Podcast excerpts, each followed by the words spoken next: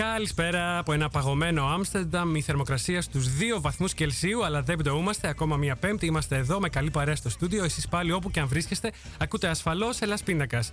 Τη μόνη ελληνική εκπομπή στα Ολλανδικά FM ζωντανά, όπως κάθε βράδυ 9 με 10 το βράδυ τοπική Ολλανδική ώρα. Στο μικρόφωνο του Ράδιο Σάλτο, ο Νίκος Κούλουσιο.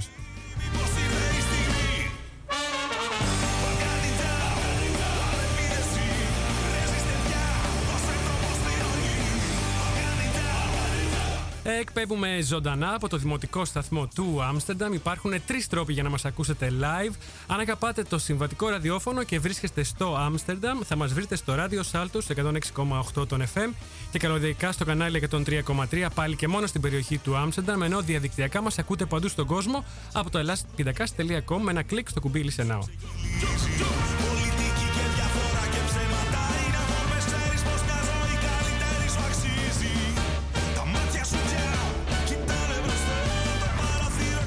Απόψε, ένας φίλος τολμώ να πω της εκπομπής, παλιός γνώριμος, ο Ανδρέας Χάνε, επιστρέφει στο στούντιο του Ελλάς Πίνακας με την ευκαιρία της καινούργιας του παράστασης που έχει τίτλο Tremble που, και ανεβαίνει στις 28 και 29 Νοέμβρη στο Dance Makers, Makers Amsterdam. Δεν ξέρω πώς λέγεται, θα μου τα πει ο Ανδρέας.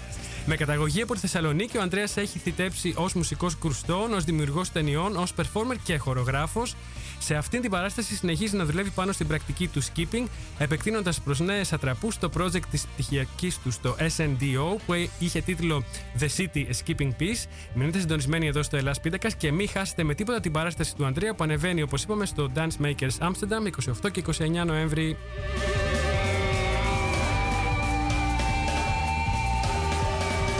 Αν είστε χρήστης λάτρης των social media, θα μας βρείτε σε όλα τα κοινωνικά δίκτυα, στη σελίδα μας σε Facebook, Twitter και Instagram.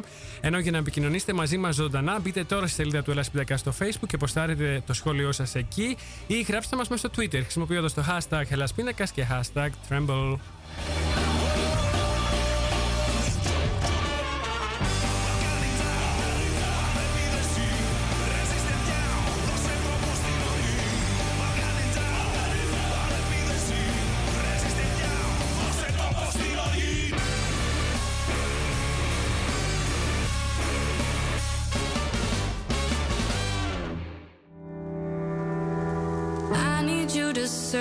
Clothing, pat me down and feel the molding. Cause underneath this table feels so good to me. And I need you to be my motor and run me till I can't go further. Cause every turn you take is just exciting me.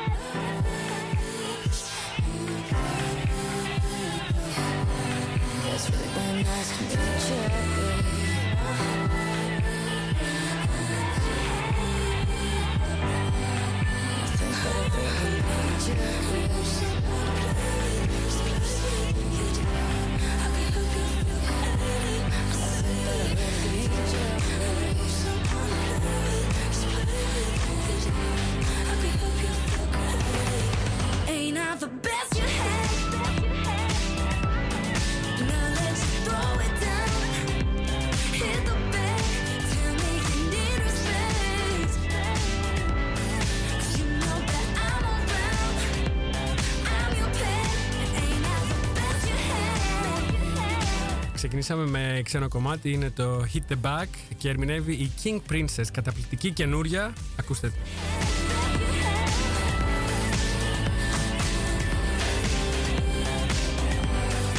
I'm gonna start with Canada. As always, hi from Amsterdam to all our friends over at agapigreekradio.com and hi to all our Facebook friends too from all over the world. Την καλησπέρα μου στο Βασίλη Βεόπουλο από τη Χάγη, στη Λεοντίν Κλάιμπρινγκ. Στον Αντώνη Μίγκο, στον Τάκη Λεμπρακάκη χαιρετίσματα, στη Βίβιαν Χιονάντη, ψυχολόγο μας από το Expat Nest, στο Γιάννη τον Καναράκη που ακούει από Θεσσαλονίκη, στη Μαριάννα την Ανιψιά μου που ακούει από Βελιγράδι, στην Εύη Φούνστερ, στον Αντώνη και τους Super Greeks, στην Κατερίνα Ζαχαρή, στον Πασχάλη και φυσικά την καλησπέρα μου στο συνεργάτη μου τον Νίκο Δουλό. Αυτές είναι οι Μάρσο.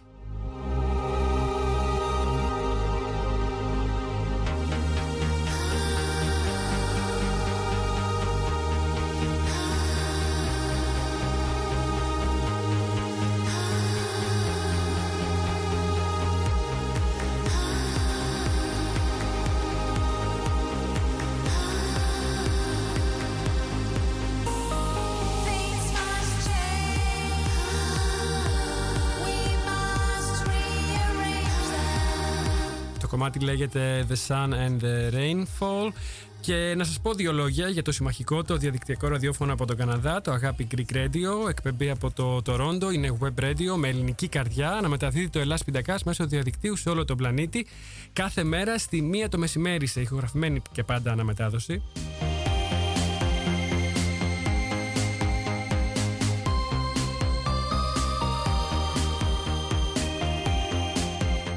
Όσοι δηλαδή χάνετε το ζωντανό Ελλάς Πίντακας κάθε πέμπτη βράδυ μπορείτε να ακούτε την αναμετάδοση από το αγάπη κάθε μέρα στη μία το μεσημέρι. Βέβαια, on demand ακούτε όλες τις παλιότερες εκπομπές μας και μέσα από το site μας elaspindakas.com από την ενότητα εκπομπές ή απλά μέσα από το κανάλι μας στο SoundCloud.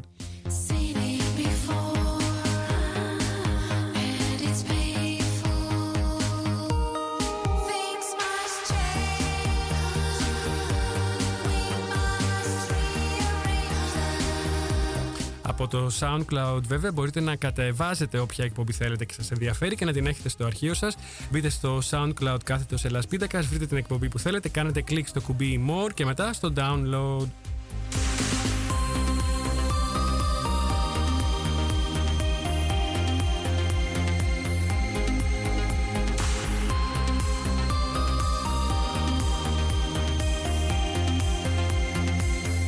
Λοιπόν, ο χορός ε, έχει πάντα περίοπτη θέση στο Ελλάς Πυρέκα, είτε πρόκειται για τη μοντέρνα μορφή του, είτε για την πιο παραδοσιακή έκδοση των ελληνικών ας πούμε χορών. Περίοπτη θέση στο Ελλάς Πίντακας έχουν πάντα και οι καλοί φίλοι που, τυχαίνει, ε, που τυχαίνουν να είναι και δραστήριοι και δημιουργούν ωραία έργα που εμπνέουν και γίνονται λόγος να βρισκόμαστε εδώ σε ένα ραδιοφωνικό στούντιο και να μιλάμε για αυτά με όλους εσάς στο ακρακτήριο.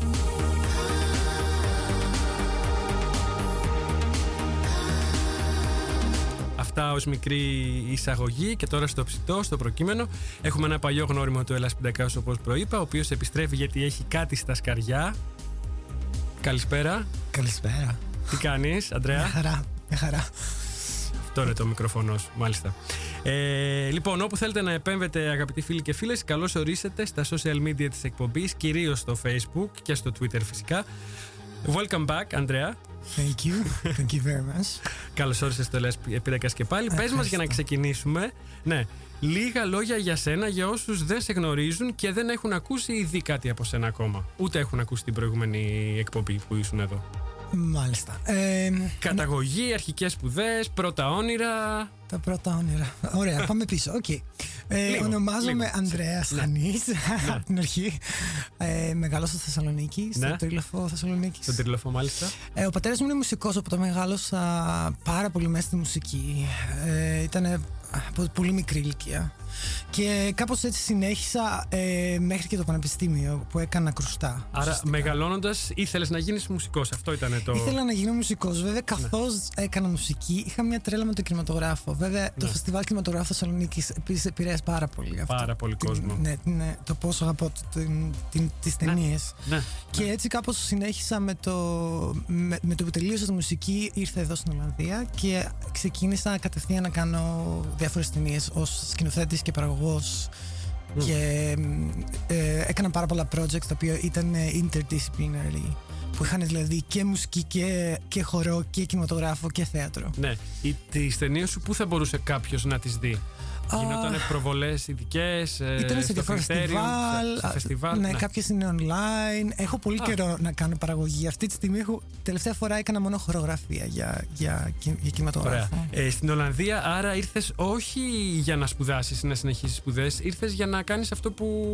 Όχι, η, αλή... η αλήθεια είναι ότι ήρθα στην Ολλανδία κατά λάθος. Α, για πες μας. Ε, είναι και μεγάλη πότε. ιστορία. Και πότε.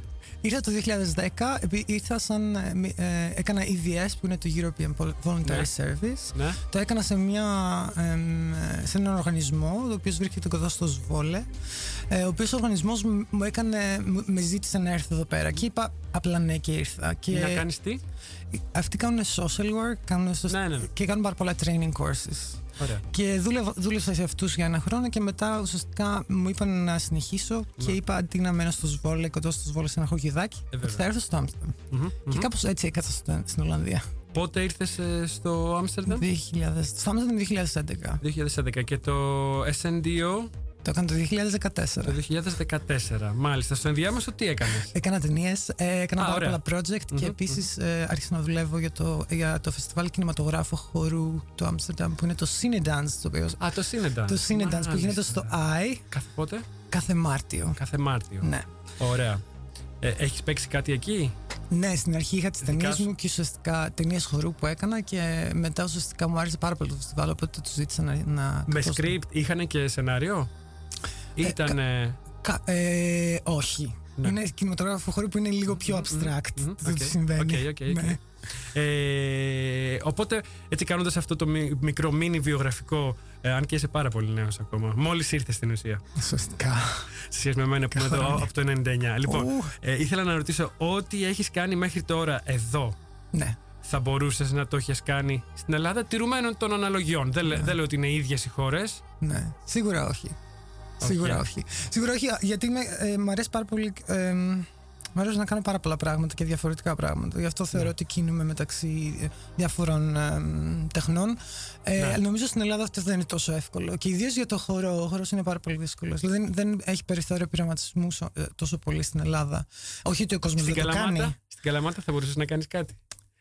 Ίσως. Μι, μιλάω ως ειδήμων τώρα γιατί απλά Ίσως. ξέρω για τον κόσμο που δεν γνωρίζει ότι ε, έχουν ένα φεστιβάλ χορού Σίγουρα εκεί που είναι και διαχνώ αναγνωρισμένο και πηγαίνει κόσμος και κάνει ναι. πράγματα. Ε, όχι μόνο ξένοι και Έλληνες εκεί κάνουν πράγματα Βέβαια. φυσικά. Ναι. Βέβαια. Έχεις κάνει, θα μπορούσες να έχεις κάνει. Είναι ένα βήμα για έναν. Σίγουρα. Ε; Σίγουρα ναι. Χορογράφο. Σίγουρα.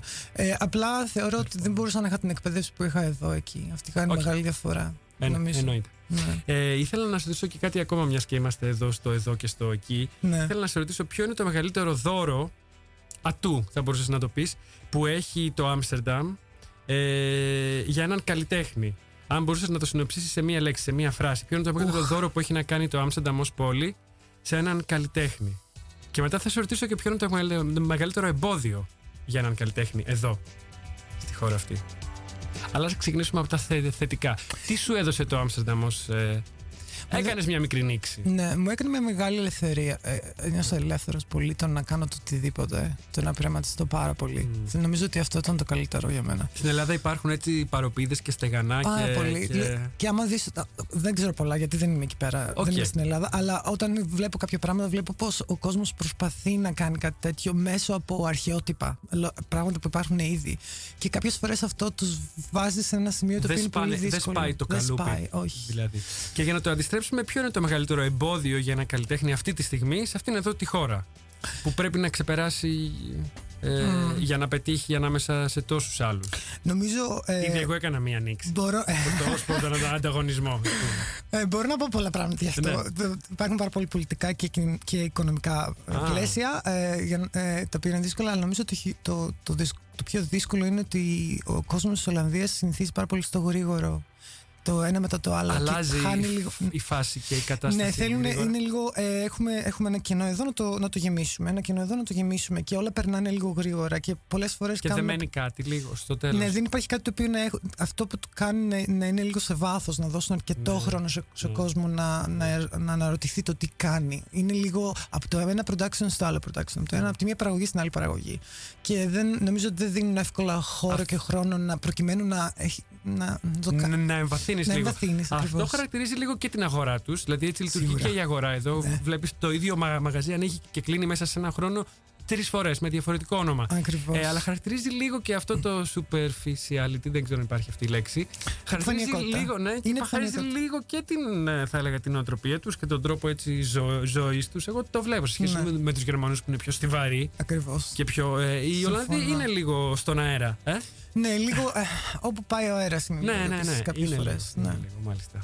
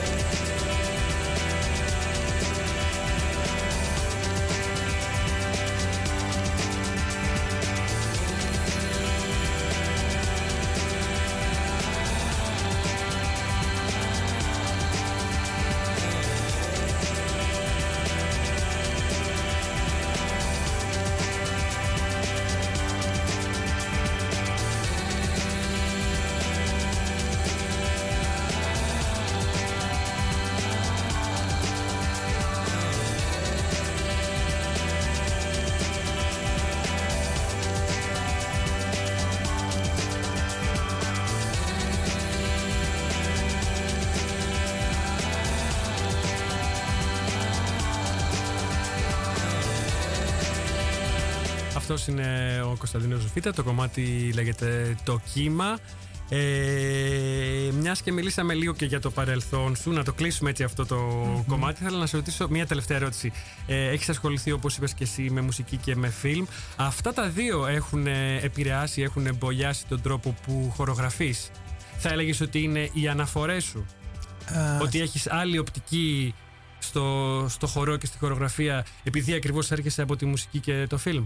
100%. Ναι. Νομίζω ότι δεν θα τα έλεγα κιόλας, δεν θα μιλούσα για τη μουσική και για τον κινηματογράφο αν δεν ήταν. Δεν έρχομαι, ε, από, αυτό, από, από εκεί έρχομαι ουσιαστικά και φτάνω στη χορογραφία. Ναι. Ε, η μουσική, ειδικά με αυτό που κάνω αυτή τη στιγμή, έχει μια σύνδεση η οποία είναι, δεν μπορείς να μην, την, να μην μιλήσεις για αυτην Ε, ο κινηματογράφος είναι ότι σκέφτομαι πάντα ε, κινηματογραφικά και ε, ε, νομίζω ότι σκέφτομαι ε, ε, πάρα πολύ με την νοσταλγία και συνδέω την νοσταλγία με τον κινηματογράφο με την νοσταλγία που έχει ο κινηματογράφος όχι σαν θέμα αλλά την, την ε, πώς το λένε the magic Ναι, ε, ναι, ναι, ναι, ναι, ναι. η οποία- το οποίο υπάρχει στο το να μπαίνεις στο κινηματογράφο και να βλέπεις. Και φυσικά σκέφτομαι και πολύ κινηματογραφικά όπως το composition, το πώς γίνεται η σύνθεση και σε όλα αυτά. Στο πώς φτιάχνει τις τις εικόνες σου. Ναι, εννοείς. πολλές φορές σκέφτομαι πρώτα σαν ταινία την, την μια παράσταση και μετά ουσιαστικά μπαίνω να κάνω την Σε παράσταση. εικόνες; Ναι, σε εικόνες, σκηνές, Σε σκηνές, ναι. Μμμ. δραματουργία, τέτοια πράγματα. Ωραία. Τώρα πες μας και για το skipping, έτσι θα, θα μπούμε σιγά σιγά Ναι. στο θέμα, ε, υπογείως. Ε, πες μας καταρχήν το, το skipping, ε, από πού το εμπνεύστηκες αρχικά; Το Ναι. χοροπηδητό και για τους, ε, και για Ναι, τους να που το δεν είναι. εξηγήσουμε λίγο αυτό τι είναι το skipping. Θα το λέμε skipping. Ok. Η εξήγηση είναι σαν, είναι, δεν είναι ακριβώς το ότι πηδάς, Ναι. ούτε είναι ένα χοροπηδητό. Είναι ένας βηματισμός με λίγο άλμα μέσα. Ναι, ακριβώς. Το Ναι. οποίο το κάνουμε, νομίζω, το κάνουν αυτά, ε, όταν κάνουμε την τζικολελέτα. Δεν ξέρω αν το θυμάσαι, αλλά τα παιδιά κάνουν τζικολελέτα, εκεί ακριβώς κάνουν αυτό το πράγμα στα Προσπαθώ πόδια να τους. θυμηθώ πώς το παίζαμε Μιλάμε αυτό. τσιγκολελέτα, τσιγκολελέτα και π- όταν τρέχεις στο δρόμο, ουσιαστικά κάνεις αυτό το πράγμα στα, στα κατάλαβα. πόδια. Που Είναι το ένα ένα λίγο σηκώνεται το ένα πόδι, λίγο πάει λίγο πιο μπροστά το Ακριβώς. άλλο. Είναι ένα χοροπηδητό. Είναι ο πιο εύκολος Εμένα τρόπος. Μου θύμισε λίγο εξηγήσω. Το line dancing των Ιρλανδών. Έχει μέσα στοιχεία skipping ή απλά έτσι μου φαίνεται επειδή τεινάζουν λίγο το πόδι και. Ε; Ε, σίγουρα. Ε, έχουν και, ε, και φυσικά έχουν, έχει και σύνδεση με, με τους, για μένα με τους ελληνικού παραδοσιακούς χώρου. Φυσικά. Α. Με, με τον παραδοσιακό χώρο γενικά σίγουρα. Κοίταξε, το skipping υπάρχει παντού. Είναι στην καθημερινότητά μας. Δηλαδή, βλέπεις τα παιδάκια ναι. τριγύρω, τριγύρω να κάνουν skipping όλη την ώρα. Ιδίως όταν είμαστε παιδάκια. Περισσότεροι θυμόμαστε τον εαυτό μας όταν ήμασταν παιδιά να κάνει skipping. Ναι, Είναι η δεύτερη φορά που αναφέρεσαι στα παιδιά. Νο- Νομίζω η τρίτη φορά που αναφέρεσαι σε παιδική ηλικία και σε παιδιά. Ναι, Ναι. ε, ε, μ, μ, έχει Είναι, να κάνει είναι με- και αυτό μια αφετηρία σου, έτσι. Για, να κάνει με την για, νο- ανάμνηση. για νοσταλγία μίλησες πριν. Ναι, ακριβώς. Και πριν μίλησες ναι, για παιδιά και, και, για, το, και για την Τζίγκο Λελέτα. Οπότε αυτό Ναι. είναι το, η δε- δεύτερη αναφορά. Ναι, έχει να κάνει με νοσταλγία, αλλά νομίζω μία από τις αναφορές σου είναι και η παιδική ηλικία, οι αναμνήσεις. Έχει να κάνει με, με ενδιαφέρει πολύ η, η ανάμνηση και, και η collective ανάμνηση. Πώς το λέει, η, η, η ανάμνηση. Η συλλογική, Η συλλογική ανάμνηση. Ναι, ναι, ναι. ε, και Συλλογική για- μνήμη θα το λέγαμε. Συλλογική μνήμη, Ναι, ναι, ναι. ακριβώς. Ε, αυτό με ενδιαφέρει περισσότερο γιατί έχει, ε, είναι, έχει κάτι το οποίο είναι βα- πάρα πολύ ιστορικό. Νομίζω ότι όλοι μας ξέρουμε να κάνουμε αυτό το skipping και, Ναι. ε, και δεν έχει να κάνει από πού ερχ- προερχόμαστε. Αυτό υπάρχει σε όλες τις χώρες. Είναι, είναι παγκόσμιος. Ναι. Το σώμα μας το γνωρίζει. Και αυτό με ενδιαφέρει, πο- με ενδιαφέρει πολύ γιατί ξαφνικά βλέπεις στη σκηνή κάτι το οποίο το ξέρεις τόσο καλά και το οποίο ξαφνικά αρχίζει και, και χρησιμοποιείται σαν να είναι ένας χορός. Ενώ είναι κάτι πολύ pedestrian, πολύ καθημερινό. Μμμ, μμμ. Ε, και επίσης είναι πάρα πολύ ρυθμικό. Κρατάς συνέχεια ρυθ- ένα ρυθμό. Ναι. Και εμένα με ενδιαφέρει πολύ να το χρησιμοποιήσω αυτό προκειμένου να ανοίξω πράγματα τα οποία γνωρίζουμε. Το skipping το γνωρίζουμε, έχει, έχει μια ιστορία, έχει Ναι. ένα, ένα μεγάλο ιστορικό από πίσω του Μμμ. και στο σώμα. Μμμ, Και αυτή τη στιγμή το χρησιμοποιώ προκειμένου να ανοίξω ή να μιλήσω μέσω νοσταλγίας για το ποιο θα είναι. Ποια θα μπορούσε να είναι, τα- το, ποιο θα μπορούσε να είναι το μέλλον μας. Μμμ. Το μέλλον το οποίο θα μπορούσαμε να, να, ε, να σκεφτούμε και να, να κάνουμε ένα imagination γι' αυτό. Μμμ, μμμ. Πώς, ε, τι, τι προσθέτει το skipping ως ε, χορευτικός όρος που εγώ δεν τον ήξερα κιόλας; Ε, αλλά δεν είναι μόνο αυτό, Δεν είναι είναι, είναι, χορευτικό. είναι της καθημερινότητας. Ναι, ε, δεν έχω στ- καθόλου στοιχείο. χορευτικός. Είναι- Κίνηση. Ναι. Κίνηση, οκ. Τι, τι προσθέτεις στο, στο θέμα αυτό της νοσταλγίας και της ανάμνησης; Νομίζω ότι καταρχάς η, η εικόνα του να βλέπεις κάποιον να κάνει skipping, κατευθείαν σκέφτεσαι το πότε έκανες εσύ skipping και για ποιο λόγο. Έχει Ναι. Α. να κάνει πάρα πολύ με τη χαρά. Έχει Μάλιστα. να κάνει πάρα Έχει να πολύ. κάνει με τη χαρά. Πάρα οπότε, πολύ, Ναι, θα ναι. σε ρωτούσα αρκετά παρακάτω γι' αυτό. Ναι. Μμμ. Ε, Έχει να κάνει πάρα πολύ με τη χαρά. Βέβαια, εγώ δεν απαραίτητα το χρησιμοποιώ για να μιλήσω για τη χαρά. Η χαρά είναι εκεί ήδη. Αλλά επειδή Ναι. το κάνουμε τόσο πολύ, να φανταστείτε ότι κάνουμε skipping για μία ώρα. Το οποίο Ναι. είναι πάρα πολύ κουραστικό. Παρόλο που αν έρθετε και να μας δείτε, θα μας δείτε σαν να πετάμε λίγο. Αλλά εμείς έχουμε κάνει πάρα πολύ εκ- τρε- εκπαίδευση προκειμένου να είναι αυτό. Είναι πάρα πολύ κουραστικό να το κάνεις ουσιαστικά τόσο Είναι, τόση είναι ώρα. αερινό. Το, το, το... Είναι, μπορεί το να είναι χοροπηδητό. αέρινο, αλλά είναι και πολύ δύσκολο. Δηλαδή, Ναι, ναι, ναι. τρέχει ο υδρότος και τα σχετικά. Αερινό Ε, για μας που το βλέπουμε τώρα, για, Yes. για εσάς που το Ακριβώς. εκτελείτε. Ναι. Ναι, ναι. Ε, η- το Αλλά θέμα το θέμα skipping, ναι. Γιατί skipping, ας πούμε, και στα αγγλικά σημαίνει ότι πηδάω, αφήνω και κενά. Όπως Ναι. είναι και το, το χοροπηδητό αυτό καθ' αυτό δεν είναι ο βηματισμός ε, στη, στημένος, μάλλον ε, συ, συγκεκριμένος, αφήνεις κενά. Ναι, έχει να κάνει με, τη δια... και με το πηδάς λίγο διάστημα. και από το ένα θέμα στο άλλο. πας και από πιο το ένα γρήγορα. κομμάτι στο άλλο. Και πας και πιο γρήγορα. Ναι. Είναι θέμα, και θέμα απόστασης. Θα Ναι. το πούμε αυτό, θα το συζητήσουμε μετά. Ε, το θέμα πώ είναι, Ναι. είναι αυτό που Α, δουλεύω εδώ, ε, περισσότερο εδώ από κοντά, όλα. η απ- Ναι, ναι, ναι. Μπορούμε να το πούμε και αργότερα. Ε, ε, Οκ. Δουλεύω πάρα πολύ ε, conceptually, σε, σε, σε, με σκέψεις, σκέψεις ε, ε, ασχολούμαι πάρα πολύ με την απόσταση. Μμμ, μμμ, μμμ. Πάρα πολύ. Πες μου όμως για το skipping και για να το κάνω ακόμα λίγο πιο συγκεκριμένο, τι το φρέσκο φέρνει ε, στη δική σου τη χορογραφία αυτή ε, η επιλογή της κίνησης αυτής; Πώς αλλάζει τα δεδομένα, Αλλάζει το δεδομένο ότι είναι. πώς πάει το καλούπι που λέγαμε Ναι. στην αρχή; Είναι, είναι μια πάρα πολύ απλή κίνηση η οποία ξαφνικά αρχίζει και βγάζει πάρα πολλές συνδέσεις. Αρχίζει και φαντάζεσαι πράγματα όταν το βλέπεις μπροστά σου, ενώ το μόνο που γίνεται είναι μία απλή κίνηση. Άρα και αυτό, φέρνει εικόνες, Φέρνει πάρα αναπτύσσεις πολύ. και ταχύτητα, Ναι. ε, αφήνεις και κενά, όπως, έλεγες και, όπως, όπως έλεγε και το δελτίο τύπου σας που εμ, εμ, πηγαίνουν από τη μία άκρη στην άλλη. Ναι.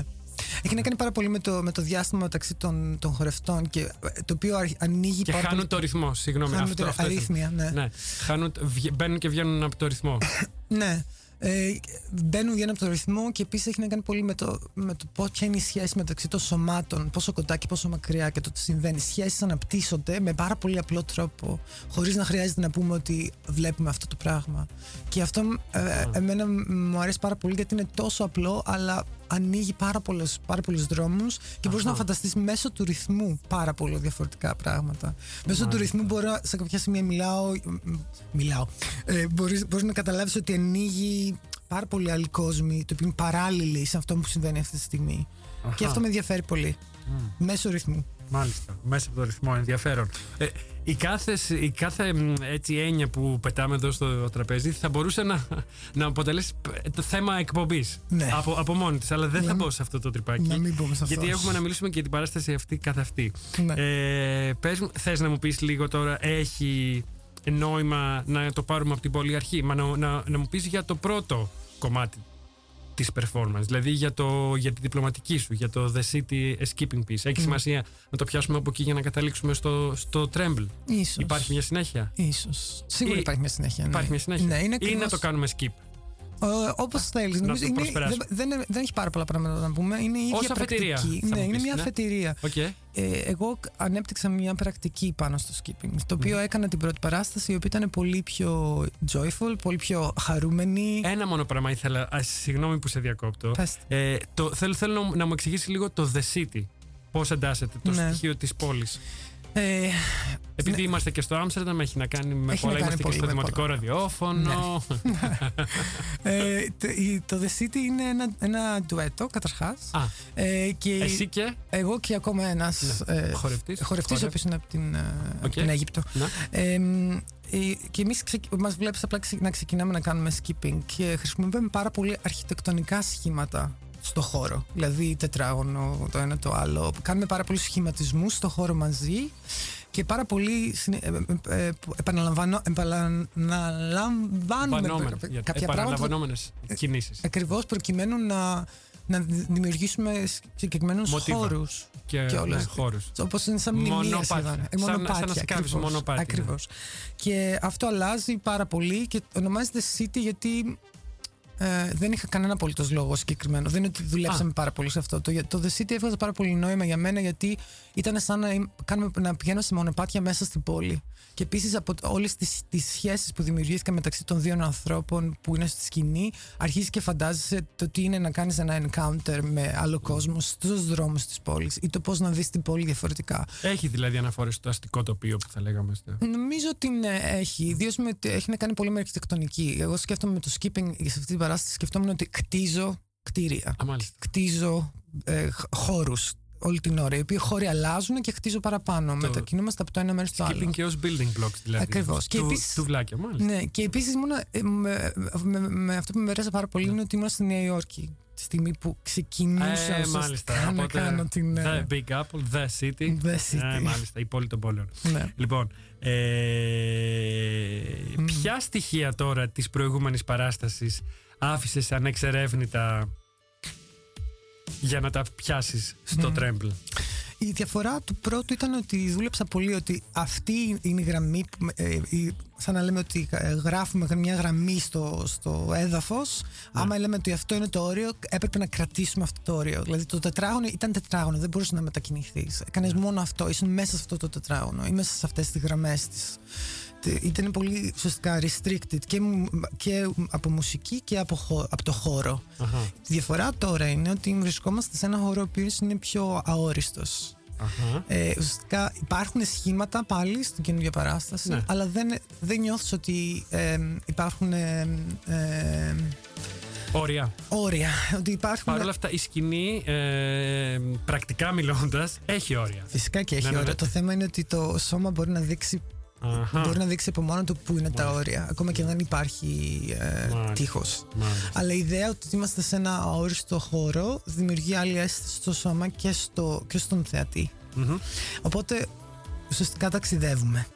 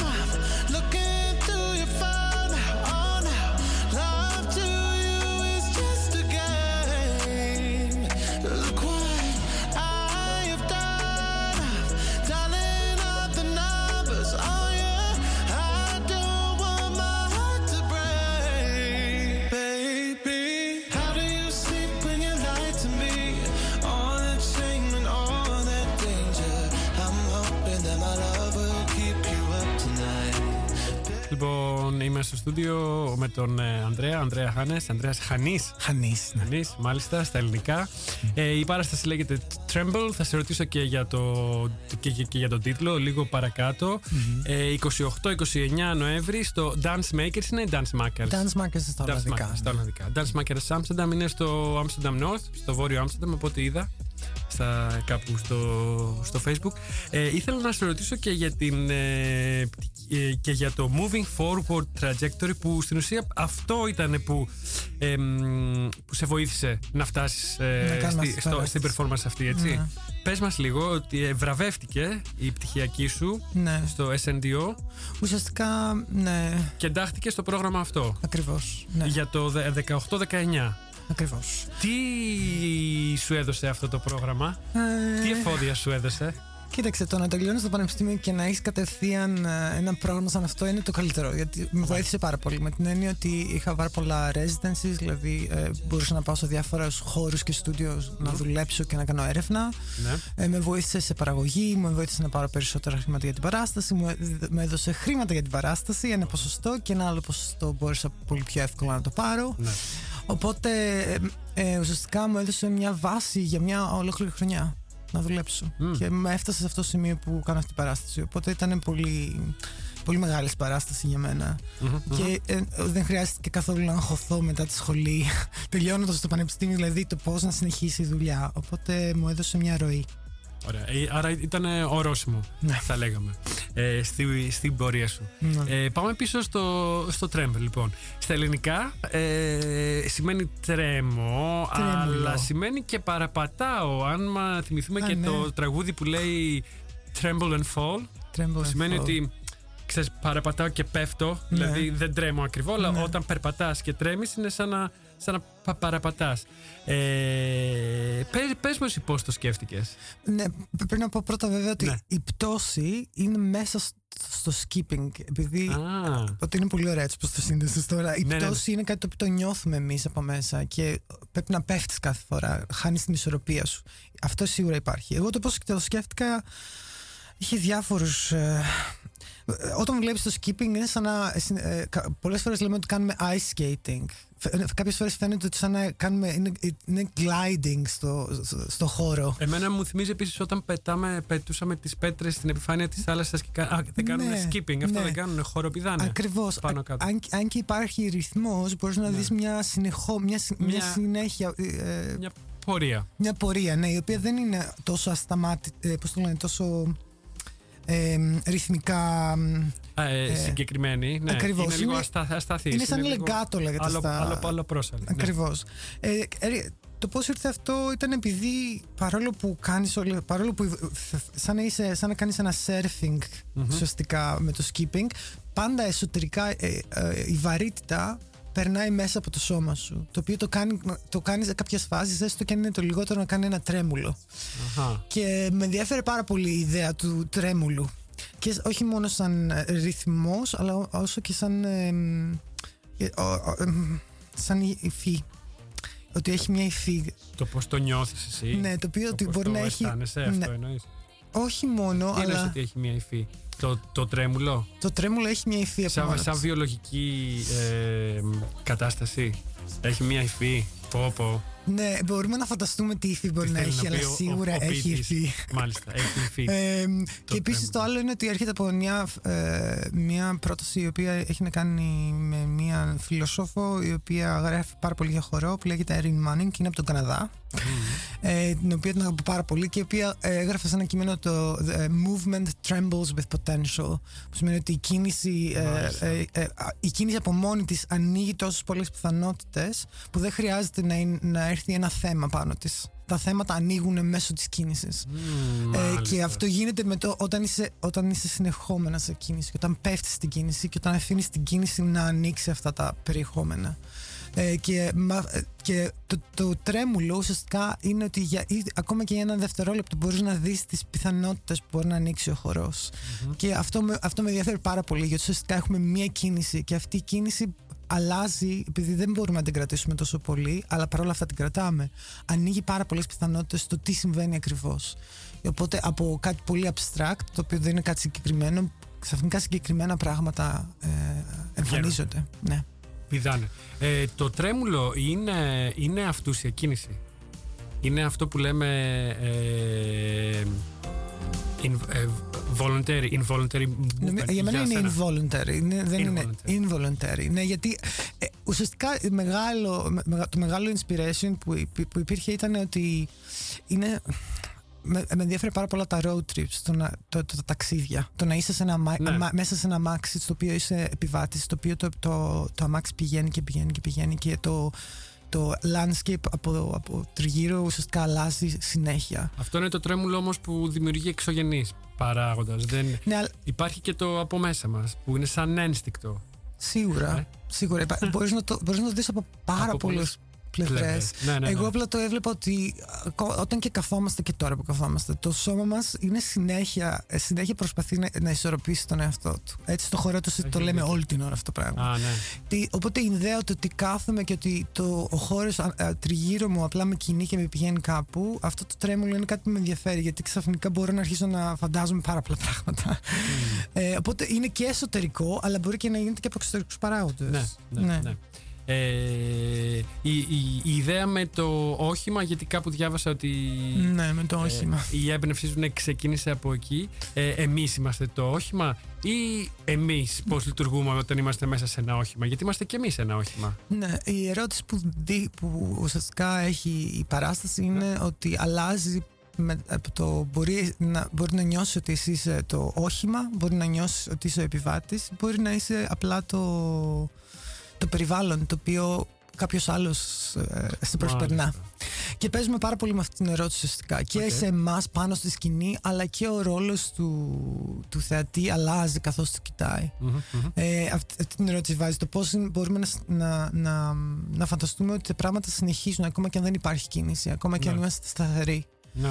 Και πώς ακριβώς γίνεται αυτό Η και τι κίνηση φέρνει. όμως μέσα σε ένα όχημα, η κίνηση δεν είναι, μάλλον δεν είμαστε λίγο καθυλωμένοι.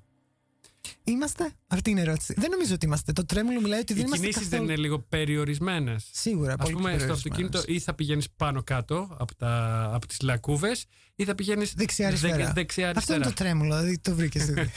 το βρήκαμε. Το βρήκαμε. Πιάστο τώρα που το βρήκες. Ναι. Εμ, Ε, ναι. σίγουρα, βέβαια, το, ε, στην περίπτωση του skipping, εμείς είμαστε κυρίω Άρα και είναι οχήματα. περιορισμένες, αλλά και σε απελευθερώνουν. Ναι, ε, νομίζω ότι εμένα αυτό που με ενδιαφέρει, με ενδιαφέρει πολύ στο τρέμουλο, στο, να- στο ότι να είσαι επιβάτης, είχε Ναι. να κάνει πολύ με το πώς το πώς γίνεται, το τι γίνεται στο μυαλό σου και ποιο είναι το state στο οποίο βρίσκεσαι. Θεωρώ ότι να κοιτάς έξω ένα περιβάλλον στο οποίο αλλάζει ταυτόχρονα δείχνει, δίνει ένα συγκεκριμένο state το οποίο έχει να κάνει πολύ με reflection. Με Ναι. το, το, μπορείς να επιτρέψεις πάρα πολλά πράγματα να βρίσκονται στο μυαλό σου ταυτόχρονα και να πηδάς από το ένα στο άλλο. Δηλαδή, όπως περνάνε οι εικόνες από το παράθυρο, έτσι Ακριβώς. περνάνε και οι μνήμες από το μυαλό σου. Α, επιτρέπει, Αυτό- μια, αυτό σκέφτεσαι; επιτρέπει μια, εμ, έναν συλλογισμό ο οποίος μπορεί να φέρει πάρα πολλά ταυτόχρονα ε, πάρα πολλά πράγματα σε συνομιλία. Όπως καθόμαστε σε ένα τρένο και το τρένο μας πηγαίνει και άμα αφαιθούμε μπορούμε απλά να σκεφτούμε πάρα πολλά πράγματα και επίσης να φανταστούμε πολλά πράγματα με το τι γίνεται εσωτερικά και εξωτερικά. Και αυτό με ενδιαφέρει γενικότερα, ιδίως όταν μιλάμε για συλλογική μνήμη. Ε, το, τι, το τι σημαίνει να, συνε- να συνεχίσουμε, να, έχουμε, συν- να, να υπάρχει ε, ένα είδος Συνέχεια. ελπίδας και Α, συνέχεια. Και συνέχεια. πώς έρχεται ακριβώς η ελπίδα, πώς ακριβώς μπορούμε να συνεχίσουμε να ελπίζουμε. Τα βάζω όλα σε ένα. Ναι. Όχι, ναι, γιατρό. είναι πάντως όμορφο αυτό ως εικόνα, γιατί το πρώτο πράγμα που μου ήρθε στο μυαλό είναι ότι και φαντάζομαι όλοι όσοι μας ακούνε θα έχουν τέτοιες μνήμες που ήμασταν παιδιά και μας πηγαίνανε όπου μας πηγαίνανε οι γονείς μας, στα χωριά μας, εδώ, εκεί. Και είτε δεν θέλαμε να πάμε, είτε για οποιοδήποτε λόγο καθόμαστε και κοιτούσαμε έξω από το παράθυρο και αυτό. Και Σαν, απλά σαν φανταζόμασταν. εικόνα, ναι. το οποίο Και θεωρώ απλά ότι δεν το φανταζόμασταν. κάνουμε. ε, Νομίζω ότι δεν το κάνουμε τόσο πολύ πια στην κοινωνία γενικότερα. Θεωρώ ότι πάμε από το ένα στο άλλο. ε, Ναι. Το να συλλογιστούμε ακριβώς το που πηγαίνουμε συνολικά. Αυτό και το συνολικά Α, έχει να όχι, κάνει. εννοείται δεν το κάνουμε. Δεν υπάρχει χρόνος. Δεν υπάρχει και πάρα πολύς χρόνος. Και θεωρώ ότι, θεωρώ ότι, ο, χω- ο- ότι οι τέχνες και, ο- και ειδικά και ο χορός μπορεί να επιτρέψει πάρα, πολλά, πάρα πολύ χώρο για αυτό. Ναι. Το να, για ένα συλλογισμό. Ναι. Ε, μ, τώρα, ε, πες μου και για τα γεωμετρικά μοτίβα για το ανέφερες και εσύ πριν Ναι. μίλησες για την αρχιτεκτονική και για το πώς χτίζεις Ναι. ε, διαβάζω ότι κάνουν, διαγράφουν γεωγραφικά μοτίβα Μμμ. στο διάβα τους οι χορευτές σου επάνω Ναι. στη σκηνή ε, και ήθελα να σου ρωτήσω αν αυτό λειτουργεί κάπως σαν πηξίδα, δηλαδή στο να ξέρουν πού θα πάνε. Γιατί από ένα σημείο και μετά βγαίνουν από το ρυθμό. Γράφεις, χάνουν δηλαδή το μπούσουλα, χάνουν την πηξίδα. Είναι σε συγκεκριμένους, χω- ε, συγκεκριμένα σημεία στο οποίο χάνουν, ε, χάνουν το ρυθμό. Α, μάλιστα. Παίζει όμως, δεν είναι ότι χάνουν το ρυθμό, έχει να κάνει με. ε, δουλεύουμε με πάρα πολύ μουσική. Και πάρα πολύ ωραία μουσική. Οκ. Όπου η μουσική έχει το beat, ωραία, το οποίο πάει συνεχόμενα. Ναι. Το οποίο σου δίνει ένα, Ρυθμό. ένα ρυθμό και μια σταθερότητα. Ναι. Α, Παίζουμε πάρα πολύ με το να είμαστε πάνω σε αυτό και εκτός από αυτό. Και το, η αρρύθμιση. Βγαίνετε ουσιαστικά- δηλαδή από το ρυθμό, από το Ακριβώς. beat. Ναι. Ναι, τα σχήματα έχουν να κάνουν πολύ. Δουλεύουμε πάρα πολύ με το αόριστο σχήμα, το 8 ουσιαστικά. Α. Το, το νούμερο 8. Και το, Ναι. οποίο, το οποίο έχει να κάνει φυσικά ότι, ότι βέβαια και εμείς μπορούμε να είμαστε χαλαροί για το που πηγαίνουμε, αλλά έχει να κάνει και πάρα πολύ με, με υπνοτισμό. Α, Το να δημιουργήσουμε έναν υπνοτισμό στον κόσμο που Ναι. Μπορείς να νομίζεις ότι θα συνεχίσει να- το skipping να είναι σε ένα 8 για πάντα, αλλά ξαφνικά το 8 αρχίζει να κινείται στο χώρο, χωρίς να το καταλαβαίνεις. Και ξαφνικά υπάρχουν ε, μικρές αλλαγές και ξαφνικά και τα δύο-τρία άτομα βρίσκονται μαζί. Οπότε παίζω πάρα πολύ με το... Είναι λίγο sneaky η performance. Είναι ότι έρχεται ξαφνικά έρχεται κάτι που δεν περίμενες να έρθει από κάπου. Και το 8 οριζόντια είναι και το σήμα του άπειρου, έτσι. Ακριβώς, ναι. Λοιπόν, ε, μ, έχουν μείνει 10 λεπτά, οπότε δεν θα κόψω για μουσική, θα το πάμε σε ρί. Έγινε, πάμε. Λοιπόν, η, η απόσταση είναι διαφορετική όταν είμαστε σε ένα όχημα από όταν ε, ε, είμαστε εμείς στο όχημα; Ε, το, πώς, το πώς διασχίζουμε Ναι. την απόσταση σίγουρα έχει διαφορά. Είναι μια ψευδέστηση, δηλαδή η απόσταση. Πολλές όπως- φορές πνέψει δέση. όπως ο χρόνος. Ναι, ακριβώς. Αυτό θέλω να πω. Ναι, Η απόσταση δεν έχει να κάνει μόνο με χώρο, έχει να κάνει και με χρόνο. ναι, είναι χωροχρόνος δηλαδή. Ακριβώς. Μμμ. Ε, Η απόσταση μοιάζει να είναι πιο μικρή όταν κάνουμε skipping. Μιας και πάμε λίγο πιο γρήγορα. ίσως. Την αισθάνεσαι πιο μικρή; Σίγουρα. Πρακτικά σίγουρα είναι σίγουρα πιο μικρή. Βέβαια, η- εμένα αυτό που με ενδιαφέρει είναι ότι ξαφνικά επειδή είσαι σε τόσο. είσαι πάρα πολύ στον αέρα, είσαι συνέχεια στον αέρα ουσιαστικά. ε, Αυτό που γίνεται ε, κάποιες φορές στο σώμα ε, πρέπει να ανοίξει το χώρο, το χώρο και το χρόνο προκειμένου να βρει και το χώρο να, να τρέξει. Αλλά επειδή πάντα υπάρχουν εμπόδια, Ναι. το πώς ακριβώς να τα αντιμετωπίσει και αυτά. Και φυσικά βλέπεις πώς κάποιες φορές κάνουμε ένα slow motion εσωτερικά προκειμένου να. Αλλιώς θα χτυπήσουμε κάποιο τείχο, θα χτυπήσουμε Ναι, κάποιον χαρτί ναι. και αυτά τα πράγματα. Αλλά εμένα με ενδιαφέρει και όχι μόνο η απόσταση κυριολεκτικά, με ενδιαφέρει η απόσταση διάφορων πραγμάτων, με ενδιαφέρει η απόσταση από το τι θεωρούμε ότι είναι ίδιο ή διαφορετικό, τι τι είναι Αυτό εννοείς το relational; το relation, ναι, Ναι. ακριβώς. Η απόσταση που είναι relational, που είναι, έχει να κάνει με σχέσεις. Και επίσης, Κα, έχει, κάνεις και λίγο κριτική, ε, κάνεις ένα σχόλιο μάλλον και στις, ε, στην απόσταση ανάμεσα στους ανθρώπους, στις ανθρώπινες σχέσεις; ναι, φυσικά. Πατάς έχει- και λίγο εκεί; Φυσικά, πάρα Ναι. πολύ. Το, τι, το, α, α, επειδή ακριβώς είναι πάρα πολύ δύσκολο όταν κάνουμε skipping να είμαστε πάρα πολύ κοντά ένας στον άλλον. Ε, Φυσικά και είμαστε, αλλά δεν είμαστε ποτέ αυτό το ότι ακουμπάμε πάρα πολύ ένας στον άλλον. Ναι. Και φυσικά ο κόσμος λέει είναι κοινωνικό αυτό που δείχνεις. Πολλοί κόσμος το ρωτάει αυτό. Και η διαφορά είναι ότι το, το, η απόσταση μεταξύ μας δεν σημαίνει ότι δεν είμαστε μαζί. Μπορεί να είμαστε πάρα πολύ, πάρα πολύ μακριά ε, Α, από- σε σωστά, απόσταση, ναι. αλλά μπορεί να Ναι. είμαστε πάρα πολύ μαζί ταυτόχρονα. Και παίζω πάρα πολύ σε αυτό, παίζω πάρα πολύ στο τι σημαίνει να είναι κοντά ή μακριά τα σώματα και τι σχέσεις μπορεί να έχουν. Ε, και φυσικά εμένα, ε, το θέμα της απόστασης. Η μεταφυσική απόσταση ποια είναι; Μεταφυσική απόσταση είναι ότι σε κάποια φάση θεωρείς ότι μπορεί να είσαι το άλλο σώμα και όχι μόνο εσύ. Ε, Ε, δηλαδή, προβάλλεις τον εαυτό σου των άλλων. ναι, ή ο Κάπως άλλος έτσι, προβάλλει ο σε άλλος σένα. σε σένα. Έχει να κάνει πολύ με την, ενδια... η- η- την απόσταση μεταξύ μας. Πολλές φορές, άμα θέλουμε να είμαστε μαζί, μας κάνει να χάνουμε την αίσθηση του σώματός μας. Ναι. η- η- το έμπαθη που υπάρχει ουσιαστικά στο σώμα και μεταξύ μας μπορεί να επιτρέψει πάρα πολλές φορές να, να μπορέσουμε να καταλάβουμε ποιο- τι ακριβώς κάνει το άλλο σώμα ή ποιος είναι ο αλλο ή το τι νιώθει ο άλλος, ακόμα και αν έχουμε μεγάλη απόσταση. Και με αυτή την έννοια, μ, τα μεταφύσιξ έχουν να κάνει ότι ξαφνικά, επειδή είμαι σε τέτοια ένταση και σε σε τέτοιο ρυθμό, πολλές φορές βλέπω το σώμα μου να κάνει ένα reflection και να βαράει στους τοίχου, στις γωνίες του, του, του, του, του, ε, του χώρου. Οπότε ε, μεταφυσικά μπορούμε να μιλάμε για πάρα πολλά πράγματα. Γιατί μπορεί να σταματάω να κάνω το skipping, αλλά μπορεί το skipping να συνεχίζει να υπάρχει. Η κίνηση υπάρχει μετά από το σώμα μου. Εμείς απλά. ε, απλά, ε, ε, ε, απλά κάνει ένα, μικρό- ένα μικρό posing ουσιαστικά. Και τα, τα metaphysics πρέπει ουσιαστικά να είσαι λίγο εκεί να, τα, να νιώθεις ακριβώς το τι δημιουργούν και τι μπορεί να σου φέρουν παραπάνω από ότι υπάρχει εκείνη τη στιγμή. δεν τολμά να βγει Ο ουρανός, ο μεγάλος ουρανός είναι ακόμα σκοτεινός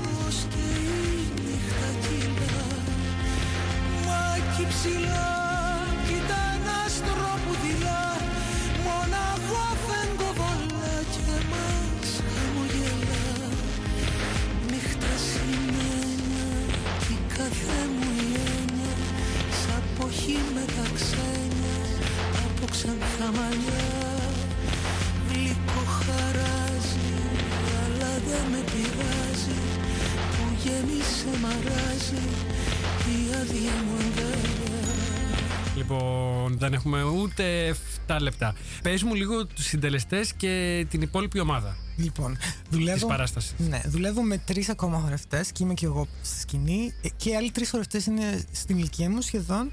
Ε, είναι και χορογράφοι, το οποίο είναι πολύ σημαντικό. Ο- Όλοι είμαστε, χο- είμαστε τέσσερις χορογράφοι στη σκηνή, οι οποίοι Μάμβρε, χορεύουμε. παιδί μου. Υπ- Υπάρχει και ένα ε, ρητό. Ε, ναι. Ποιο; Ο- όχι ο που λαλούν πολύ κοκόρι. Ναι. Και ε, στα αγγλικά ένα ωραίο υπάρχει. Τέλος πάντων, ότι είστε πάρα πολύ σεφ εκεί μαζί. Είμαστε πάρα πολύ σεύς. Ναι. Και βέβαια, η- η- η- η- πώς το λένε, το- το- το- τώρα που φτιάχνουμε την παράσταση είναι πάρα πολύ ιδιαίτερος χρόνος. Κάποιος πρέπει λίγο να ηγηθεί, έτσι. Εγώ ηγούμαι. Ναι, ναι, ναι. Σίγουρα εγώ ηγούμαι. Ναι. Ε, Για να τα Αλλά- ξεκαθαρίσουμε τα ναι. πράγματα, να τα βάλουμε και στη θέση τους. Βέβαια είναι όλοι τους πάρα πολύ καλοί performers. Οπότε Ναι. γι' αυτό τους ήθελα κιόλας. Και επίσης είναι και χορογράφοι. Οπότε βοηθάει πάρα πολύ. Ναι. Ε, είμαστε τέσσερις στη σκηνή. Έχω μια, μια φίλη η οποία λέγεται Πολίνα Προκόπ, η οποία κάνει την, το φωτισμό. Ελληνίδα, ε; Αν- Όχι, Πώς, Πολίνα πώς, πώς; Προκο- Προκόπ. Πολίνα Προκόπ. Α, εκεί είναι- σταματάει. Ναι, οκ. είναι μ, από Πολωνία. Μάλιστα. Ε, η οποία Ωραία. κάνει τον, ε, το- τα φώτα και δουλεύω μαζί της πάρα πολλά χρόνια. Ε, και επίσης το πολύ σημαντικό είναι ότι έχουμε μουσική από τον Rival Consoles. Ε, αν δεν ξέρετε τον Α, ναι. Rival Consoles... Μισό λεπτάκι. Αν, αν ε, δεν το ξέρετε. Αν δεν το ξέρετε, θα το, ίσως το βάλουμε τώρα. Είναι, είναι πάρα πολύ γνωστός και είναι από την Αγγλία. Ε, κάνει πάρα πολύ ιδιαίτερη μουσική για μένα και είναι πάρα πολύ ρυθμικός και το, Ναι. ε, μου άρεσε πάρα πολύ. Δεν ξέρω πώς ακριβώς κατάφερα να, να, να δουλέψω μαζί του γιατί είναι, ε, τρέχει συνέχεια και ε, δεν ξέρω πώς κατάφερα Να τον το ακούσουμε κλείσω. λίγο. Να για τον ένα, ακούσουμε ένα λίγο. πέντε δεύτερα. Ναι.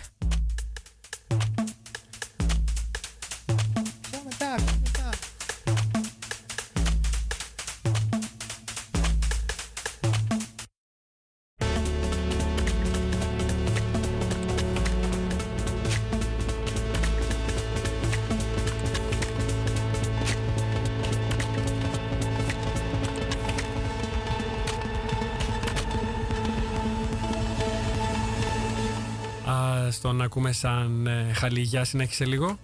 Ναι, ε, Λοιπόν, είναι ο Rival. ο Rival Consoles, το οποίο δουλέψαμε μαζί με- Είναι από, από ποια χώρα; από Βρετανία, Μεγάλη Βρετανία. Βρετανία, μάλιστα. Ε, είναι πάρα πολύ γνωστός εκεί πέρα. Έχει κάνει πάρα πολλά πράγματα και έχει κάνει πολλά πράγματα για κινηματογράφο. Για παράδειγμα, έχει κάνει το Secret Cinema ε, το- για το Bla- Blade Runner, για παράδειγμα. Αχα. Ε, και ε, δουλεύω, ουσιαστικά πήραμε τις καλύτερες επιτυχίες του και αρχίσαμε και γράφουμε παραπάνω και τα μεγαλώσαμε, τα φτιάξαμε. Έγραψε και επιπλέον original parts μόνο για την παράσταση. Μμμ. Ε, μ, τι άλλο να πω, δουλεύουμε με, με τον Aziz Μπεκάουι που είναι fashion designer για, τα, για, για τις, Ωραία. για τις, ε, μ, Από για τα πού είναι ο costumes. Ναζής; Ε, ο Ιράν; Aziz είναι από εδώ, ουσιαστικά από Α. το Μαρόκο. Μαρόκο, μάλιστα. Ε, και, μ, ε, ναι, και δουλεύουμε αυτή τη στιγμή σαν τρελή για προκειμένου να έχουμε τα κοστούμια. Και πάνω κάτω αυτή. Αυτό θα μπορούσαμε να πούμε. Φτάνει. Έχει Τέλεια. πάρα πολλούς Τέλεια. περισσότερους. Κάτι άλλο να θες εσύ να συμπληρώσεις για, τα- για το Tremble, για το Ε, παιδί σου. Εγώ θα ήθελα να. α- Αν, υπάρχει, ε, αν θα ήθελε κάποιος να έρθει και στο Άμστερνταμ, θα τους έλεγα ότι αν σας αρέσει η μουσική και αν σας αρέσει έστω και λίγο χορός, νομίζω ότι θα ευχαριστηθείτε πάρα πολύ. Μμμ. Ε, και είναι σίγουρα κάτι ιδιαίτερο. Είμαι πολύ ευχαριστημένος με το που βρισκόμαστε αυτή τη στιγμή. Οπότε θα χαρώ πάρα πολύ να δω Έλληνες και να γνωρίσω Έλληνες στην πόλη ακόμα περισσότερο μέσω της τέχνης. Ωραία. Λοιπόν, ήθελα να σε ρωτήσω αν skipping μπορούμε να κάνουμε και στη ζωή μας. Ναι. Έτσι, για να κλείσουμε λίγο Εγώ νομίζω ότι φιλοσοφημένα. ε, ε, ε, υπάρχουν πάρα πολλά μ, άρθρα στο, ίν- στο ίντερνετ, κάνα δύο τέλος πάντων. Το Ναι. οποίο ένας έκανε, έκανε, το, μ, έκανε το ότι έκανε testing το πώς μπορώ να κάνω skipping στην καθημερινότητά μου και γράφει ουσιαστικά τι του έγινε ακριβώς. Θεωρώ ότι είναι κάτι πάρα πολύ χαρούμενο και ότι θα- ο- Όποιο έρχεται στην παράσταση φεύγει με το να κάνει skipping και του μένει για αρκετό καιρό. Ε, θα, θα μπορούσατε να το κάνετε οπουδήποτε, το συνιστώ πάρα πολύ. Έχει πάρα πολύ γέλιο. Αχα. Ωραία. Και τώρα κάτι πάρα πολύ, πάρα πολύ, πάρα πολύ σύντομο. Λοιπόν, Ναι. για το τέλος κράτησα ένα μικρό multiple choice που κάνουμε εδώ στο Hellas Pindakaas Ok. για να ερευνήσουμε έτσι με εύθυμο τρόπο ποιος πραγματικά είναι ο καλεσμένος μας και πόσο millennial είναι. Οκ. Λοιπόν, θα σου πετάω έτσι έννοιες ε, σε binary που λένε σχηματάκι και θα μου λες ε, ποια είναι πιο κοντά σε, σε σένα. Οκ, θα το κάνουμε σύντομα, δεν έχουμε πάρα πολύ χρόνο. Λοιπόν, για να δούμε πόσο millennial είσαι, αν και νομίζω ότι είσαι χρονικά Προφανώ. millennial. Ναι. Λοιπόν, διαδίκτυο ή βιβλίο. Διαδίκτυο. Ε, typing or voice commanding. Α, και τα δύο. Ε, ε, typing. Siri. Α, Typing. Typing, μάλιστα. Twitter ή Facebook. Facebook. Instagram or Snapchat. Instagram. Laptop or smartphone. Actually, laptop. Ε, μα. Αγγλικά, όχι, sorry. Ε, τηλεόραση ή YouTube; Oh, YouTube. Οικολογία ή τεχνολογία; Οικολογία. Indoors or outdoors; Indoors για μένα. Indoors or outdoors. Δεν ξέρω. Οικολογία, οικολογία, indoors. Δεν κολλάει. Λοιπόν, ε, χωριό ή πόλη; Πόλη για τώρα. για τώρα πόλη. Social networking or social anxiety; Ή social anxiety. Anxiety. Social networking. Καφές ή τσάι. Καφές. Γυμναστήριο ή μπαρ. Δυ- Δύσκολο. Γυμναστήριο. Γυμναστήριο. Γυμναστήριο. Γυμναστήριο και λόγω τη δουλειά σου. Ναι, Οκ. ακριβώς. Ε, vegan ή meat lover. Vegan. Online shopping ή window shopping. Online shopping. Tinder ή face to face flirting. Α, δύσκολο. Tinder ή ό,τι Tinder. άλλο θέλεις ρε ναι, παιδί μου. Tinder. Tinder. Παρόν ή μέλλον; Ε, μέλλον. Έλα. Ναι. Λοιπόν, αυτό ήτανε, δεν έχει άλλο. Φτάσαμε στο τέλος. Είσαι αρκετά μι- millennial, είσαι το 87. Είμαι το αν 87. Θυμάμαι καλά από το Ναι, βιογραφικό σου, ακριβώς. μάλιστα. Πω, πω, πω, πω, πω. ναι. Σχεδόν μια δεκαετία. Σε περνάω. λοιπόν, Wow. Σε ευχαριστώ πάρα πολύ, Και εγώ Ανδρέα, ευχαριστώ πάρα πολύ. που ήσουν εδώ και μοιράστηκες το χρόνο σου. Είναι και πολύτιμος μαζί μας. Η παράσταση είναι το Tremble, το τρέμουλο στα ελληνικά. Ανεβαίνει στο Dance Makers Amsterdam στις 28 και 29 Νοέμβρη στο Amsterdam Nord. Μην τη χάσετε. Μπορούσαμε να δώσουμε και εισιτήρια. Ναι. Αν, ναι, αν θέλει, μπορείς να, μπορούσαμε να δώσουμε δ- με- ένα διπλό εισιτήριο σε όποιον γράψει Θα μας κόψει ο πρώτος χρόνος. στο Facebook. Τώρα.